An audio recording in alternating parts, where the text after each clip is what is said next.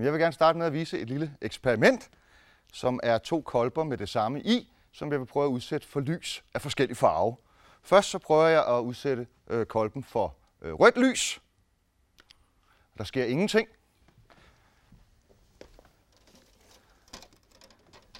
Så vil jeg prøve at udsætte kolben, der indeholder den samme slags gas, for blåt lys. Og der skete en hel masse. Det er det, jeg vil øh, fortælle om i dag, nemlig hvordan vi kan starte kemiske reaktioner ved hjælp af lys, og hvad vi kan bruge det til. Så emnet, det er dynamikken af den kemiske binding, eller hvordan man filmer en kemisk reaktion. Først har vi her et billede af en molekylær struktur, et meget kompliceret molekyle, et protein, som øh, man i løbet af de sidste 100 år er blevet rigtig dygtig til at bestemme strukturen af ved hjælp af øh, spektroskopi eller øh, røntgendiffraktion, som er det, som det her billede er bestemt ud fra. Funktionen af sådan nogle komplicerede molekyler har øh, er selvfølgelig også af stor interesse for, hvordan øh, celler og andet fungerer. Så strukturen er selvfølgelig det første skridt på den vej, men det vi i virkeligheden gerne vil, det er, at vi vil gerne have billeder af strukturen af molekylet efterhånden, som en eller anden kemisk omdannelse finder sted. Så det vil sige, at vi vil gerne lave en film af, et, øh, af en kemisk reaktion, af et molekyle, øh, mens reaktionen sker. Så vi har her en, en skematisk opstilling, øh, der indeholder noget med nogle laser, som jeg vender tilbage til, et kamera, som så tager nogle billeder af de her molekyler efterhånden, som reaktionen skrider frem. Og som vi alle sammen ved, når vi har prøvet at tage billeder, det er vigtigt, hvis man skal fange noget i bevægelse, at man tager sit billede hurtigt nok. Her er eksempelvis et billede fra en øh, gade, gøjler i Warszawa, der har stået med sådan en stang med ild i og bevæget den rundt på de her cirkler. Og det er så taget med et kamera med en meget lang lukkertid, så man kan få hele bevægelsen i et billede. Men det vi jo selvfølgelig ikke kan se på det her billede, det er, har han bevæget den den vej rundt, eller har han bevæget den den vej rundt.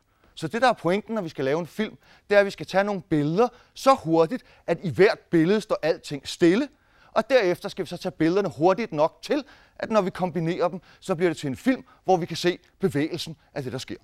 Så for at kunne gøre det, er vi nødt til at snakke lidt om, hvad er længdeskalaerne, og hvad er tidsskalaerne for øh, øh atomers bevægelse øh, under en molekylær reaktion. Så en atomar længdeskala, det er noget, der hedder en ångstrøm. Det er længden på en kemisk binding. Det er en 10 milliardende del af en meter. Så hvis man har sådan en molekylmodel her, så er den jo altså kraftigt forstørret. I molekylet der er afstanden mellem de her to atomer, så den cirka en ångstrøm eller en 10 milliardende del af en meter. Den tidsskala, hvorpå de flytter sig, det hedder et femtesekund. Det er en billiardende del af et sekund. Det er meget kort tid. Og det kan man indse ved at kigge på for eksempel lys, øh, lydens fart, som er omkring en kilometer per sekund. Hvis man omsætter det til, hvor hurtigt har atomer flyttet sig en ångstrøm, så vil man kunne se, at det gør de på 150 sekunder. Så det er derfor, at 50 sekund tidsskalen er den, vi er nødt til at tage billeder med, hvis vi skal fange en kemisk reaktion. En anden eksempel, det kunne være kemiske vibrationer. De har en vibrationsfrekvens på ca. 10 terahertz. Det er 10 billioner svingninger per sekund. Og det betyder, at hvis man skal have fat i en svingning i et molekyle, så skal man altså ned og igen have en tidsopløsning på under 150 sekunder. Så pointen er, at vi skal have skabt et atomarskala-kamera, der har en lukkertid på øh, 15 sekund tidsskala, og vi skal være i stand til at tage billederne med en tidsforskel på samme tidsskala. Og igen, et 15 sekund er jo altså en meget kort tidsenhed. Et 15 sekund forholder sig i forhold til et sekund, som et sekund forholder sig i forhold til 32 millioner år. Så det skal gå virkelig stærkt. Og svaret på det, det er at bruge laserlys. Så her er et billede fra et laserlaboratorium fra Københavns Universitet, hvor man altså har det her, det er det molekylære kamera. Og det øh, er så, hvordan det ser ud ned i, med laseren og en masse spejle, og hvordan det ser ud, når der er lys i laseren. Så hvis vi zoomer ind på billedet fra før, så har vi altså en laser her, og vi skal have taget de her billeder. Det, der er vigtigt, når man tager de her billeder, det er, at man har styr på, hvornår er reaktionen gået i gang, for man skal lynhurtigt derefter tage billederne af, hvad der foregår. Så man har i virkeligheden, man belyser sit kemiske system to gange med sin laser. Først så lyser man det med en laser, som sætter den kemiske reaktion i gang. Det var fuldstændig som det, vi så dernede. Det var godt nok ikke en laser, men det var et eksempel på, at en kemisk reaktion kunne sættes i gang ved hjælp af lys. Og derefter kommer man endnu en laser, der så måler, hvor langt fremskrevet den kemiske reaktion. Og det er faktisk meget nemt at lave den tidsforskel. Som sagt, tidsforskellen skal jo være nede på 5. sekund tidsskala, men på grund af lysets høje fart, så kan man faktisk få, at de to lysstråler rammer det kemiske system med en tidsforskel på ganske få 15 sekunder, ved simpelthen at sende den ene lysstråle en lille omvej i forhold til den anden. Fordi hvis man laver en, lille, en lille øh, omvej på en mikrometer, så ankommer den nederste stråle 3-15 sekunder efter den første har sat reaktionen i gang. Så først så laver man så, lad os sige, 1 mikrometer omvej, så har man så et billede 3-15 sekunder efter vi satte den i gang. Så laver man en omvej på, lad os sige, 5 mikrometer, så får man et billede 15-15 sekunder efter, at reaktionen er sat i gang, og så fremdeles. Men lad os lige snakke lidt mere om, hvordan en kemisk reaktion egentlig bliver sat i gang med lys. Der er to forskellige muligheder. Hvis vi tænker på en kemisk binding, så kan vi tænke på den som en fjeder. Jeg har taget en med her. Så molekylerne, øh, i, i molekylerne står atomerne og vibrerer, og dem kan man så få til at vibrere hurtigere eller med større amplitude, eller, eller øh, med mindre amplitude, ved at tilføre lys. Og det gør man. Det, det, det lys skal så være infrarødt lys. Så det er det, vi kender fra diskussionen af koldioxids indflydelse på Øh, opvarmning af kloden. Koldioxid absorberer den varme, den infrarøde stråle, der kommer ud fra jordkloden, ind i sine vibrationer, og når den så sender den øh, energi ud igen, så sender den i alle retninger, blandt andet ned mod jorden igen. Den anden mulighed, det er, hvis vi lyser med UV-stråling. Ja, så vil, så vil der faktisk ske det, at den her fjeder kan blive til en helt anden fjeder, eller eventuelt knække, og så får vi kemi til at ske. Og det kender vi også fra atmosfæren, for det er det, der sker for eksempel i ozonlaget. Når de infrarøde stråler kommer fra solen, så bliver de absorberet i ozonlaget, og ozon falder i stykker. Så alt i alt kan man sige, at der er sådan et energilandskab, som molekyler bevæger sig på under en kemisk reaktion. Så har vi taget en meget simpelt molekyle, et treatomet molekyle, tre atomer, rød, øh, grøn og hvid. Og her har vi så en, øh, den energi, som der er inde i molekylet, afhængig af, hvor, om vi strækker den ene binding, eller om vi strækker den anden binding. Og den energi, den er faktisk bestemt af, hvor elektronerne er henne i det her molekyle. Så ved hjælp af kvantemekaniske eller kvantekemiske beregninger, kan man bestemme det her energilandskab, så man så bagefter kan studere, hvordan molekylet opfører sig på. Så hvis vi tænker på det her energilandskab som en kælkebakke, og man kommer i en bobslæde ned heroppe fra med fuld fart på, så er man kørt ned i hullet og ud over her. Og de to retninger her, de angiver henholdsvis den ene binding, rød og grøn, og den anden binding, rød og hvid. Og hvis man så kører ud af midten her, så har man faktisk fået brudt begge bindinger. Begge bindinger bliver lange. Hvis man derimod starter et andet sted her for eksempel og begynder at køre ned, så vil man måske ikke komme over på bakken herover, men derimod ligge og køre denne her vej ud på sin bobslede. Og det betyder, at man kører ud af i den ene retning, at man har fået brudt denne her binding, men at man ligger og cykler frem og tilbage i den anden retning, det betyder, at den anden binding bare vibrerer. Så det er sådan, man skal forstå, hvad der sker på de her energilandskaber, og det er selvfølgelig den bevægelse rundt på energilandskabet, som vi forsøger at filme med vores 15 sekund molekylære kamera.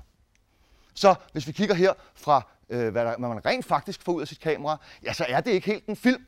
Det er sådan noget, eller det her over, en kurve, for det, man måler, efter man har sat reaktionen i gang med den første laser, det er, at man kommer med laser nummer to, og så måler man, hvor meget lys absorberer vores kemiske system nu.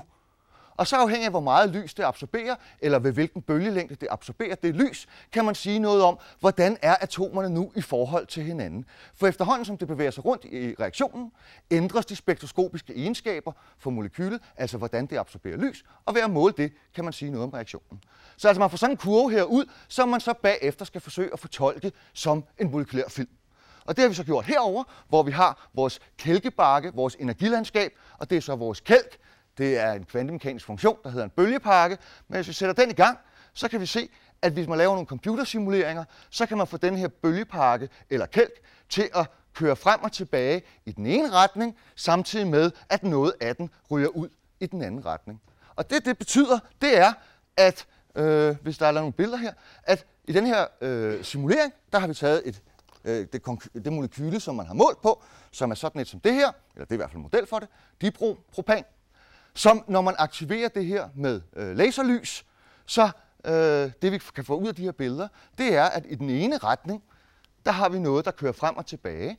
Den retning, det er den retning, der beskriver denne her bevægelse i molekylet. Og samtidig med, så har vi noget, der bare kører ned ad bakke i den anden retning, det vil sige, det kører ned ad bakke og forsvinder ud af billedet. Det svarer til, at man har taget et af de røde atomer her og skudt af. Så den molekylære film, vi laver, i hvert fald op i hovedet, når vi ser sådan en kurve her, det er, at det, der sker i det her molekyle, når vi belyser det, det er, at vi starter sådan en vibrationsbevægelse her, og samtidig med, at den vibrationsbevægelse kører, så ryger et af de røde atomer af. Den teknik, hvor man bruger to lasere til at analysere kemisk dynamik, øh, startede man med for cirka 20 år siden, og der udløste en Nobelpris for 10 år siden til øh, professor Ahmed Sewell, som pionerede meget af indsatsen inden for det her område. Det, der så er det øh, seneste skud på stammen, det er så at gå, ligesom man har gjort med den molekylære struktur, gå over til at bruge røntgendiffraktion på reaktionen, mens den finder sted, i stedet for blot at bruge laserlys. Og grunden til det er, at her har vi en skematisk opstilling, hvor vi forestiller os, at vi har vores molekylære prøve her. Den belyser vi først med øh, en laser og sætter systemet i gang, ligesom vi gjorde før. Men derefter kommer der så ikke en, et lysglimt, men et glimt af røntgen, øh, som belyser vores prøve, og det giver anledning til, at de røntgenfotoner, som der er indeholdt i det røntgenglimt, bliver spredt på de her atomer ud og giver et diffraktionsmønster, som man så kan fortolke. Og det giver en meget mere direkte indsigt ind i, hvordan molekylets struktur egentlig ser ud. For som jeg beskrev lige før, hvis vi kun laver lasereksperimentet, så får vi en absorptionskurve ud, som vi er nødt til at lave simuleringer for at fortolke. Her der får vi diffraktionsmønster, som 50, 60, 70 års intens forskning er blevet rigtig god til at fortolke. Så netop i år har man åbnet sådan et apparat i Stanford i USA, hvor man kan lave sådan nogle røntgenglimp, der også er hurtige nok til, at man kan fange dynamikken af en kemisk reaktion, mens den finder sted. Så man havde allerede øh, i Stanford en 2 km lang elektronaccelerator. På den byggede man så øh, yderligere et, et øh, led, som vi kommer til om et øjeblik. Men i første omgang, så brugte man noget af den accelerator, man har i forvejen, til at skabe nogle bunter af elektroner, øh, der kun har en varighed eller en udstrækning på ganske få femtosekunder. Så ved hjælp her, ved hjælp af en laserpuls på ganske få femtosekunder, så sender man den ind i en metalplade, og ved hjælp af fotoelektrisk effekt får frigivet bunter af øh, øh, elektroner, som man så accelererer op i nærheden af lysets hastighed. Derefter, i den nye del af apparatet, så tager man de bunter af elektroner og får dem til at vibrere i et elektromagnetisk felt. Det betyder, at elektronerne begynder at udsende røntgen, og så vi får et lille bundt af røntgenstråler sammen med elektronerne. I sidste led, ved hjælp af en magnet, separerer man så elektronerne fra bundet af røntgenstråling, som man så kan sende ind på sin prøve, og så har man et bundt af røntgenstråler, der også har en tidslig udstrækning på øh, 15 sekund tidsskala. Et tilsvarende apparat er under konstruktion i Europa, i Hamburg, og bliver formodentlig færdig i løbet af de næste øh, 3-4 år. Så lad os lige prøve en gang at rekapitulere, hvordan man laver en film, hvis nu man havde en øh, røntgendiffraktion i stedet for et øh, øh, laserabsorption. Så vi har her det kammer, som øh, man bruger til at lave sine øh, målinger. Vi har her vores bund af røntgenstråling, og så kommer vores molekylære system ned her, og så har man, og det er ikke vist her på figuren, men jeg har den i hånden, en laser, som man så aktiverer en kemisk reaktion med, og så bliver den så ramt bagefter af røntgen, så vi kan se, hvordan det ser ud. Så altså, der kommer et molekyle ned her, der var det, og så bliver det aktiveret af en laser, og så bliver det derefter ramt af øh, de der øh, hvide røntgenfotoner, og det giver så anledning til det her spredningsmønster. Så altså igen, der er en laser her, der aktiverer den der, så bliver den ramt, og så får man sådan en serie af billeder, som man derefter selvfølgelig så kan kombinere til en film, og så endelig har man så et billede af, hvordan molekylet opfører sig, øh, når en eller anden form for proces finder sted. Det her det er et meget kompliceret molekyle, et protein formodentlig, og det er jo også rigtig spændende, når vi kan komme dertil. Men som sagt, apparatet er taget i funktion i år, så spørgsmålet er, hvor skal vi starte? Og det, vi godt kunne tænke os at starte, det er med lidt simplere molekyler. Faktisk det simpleste, man kan forestille sig. Et toatomet molekyle, det er de to øh, grønne her. Og øh, det er så omgivet af nogle andre slags molekyler, fordi vi er nede i en væske, så vi prøver at studere en kemisk reaktion nede i en væske. Den simpleste kemiske reaktion, man kan forestille sig, nemlig at vi splitter et øh, toatomet molekyle ad i sine to atomer. Og det kunne vi altså gøre ved at, at skyde på den med et lysglimt, sådan der, og så øh, øh, skiller de sig ad, og så kan man så herover se, hvis man så øh, går ind og analyserer det her, kan man se, hvordan afstanden mellem de to atomer udvikler sig som funktion af tid. Øh, pointen med det her eksperiment, som jo i sig selv er meget simpelt, fordi det er toatomet molekyle, det er, at den væske, der er omkring, gør, at det toatomige molekyle faktisk kan opføre sig på mange forskellige måder, afhængig af, hvordan den opløsning af molekyler, der er udenom, har arrangeret sig.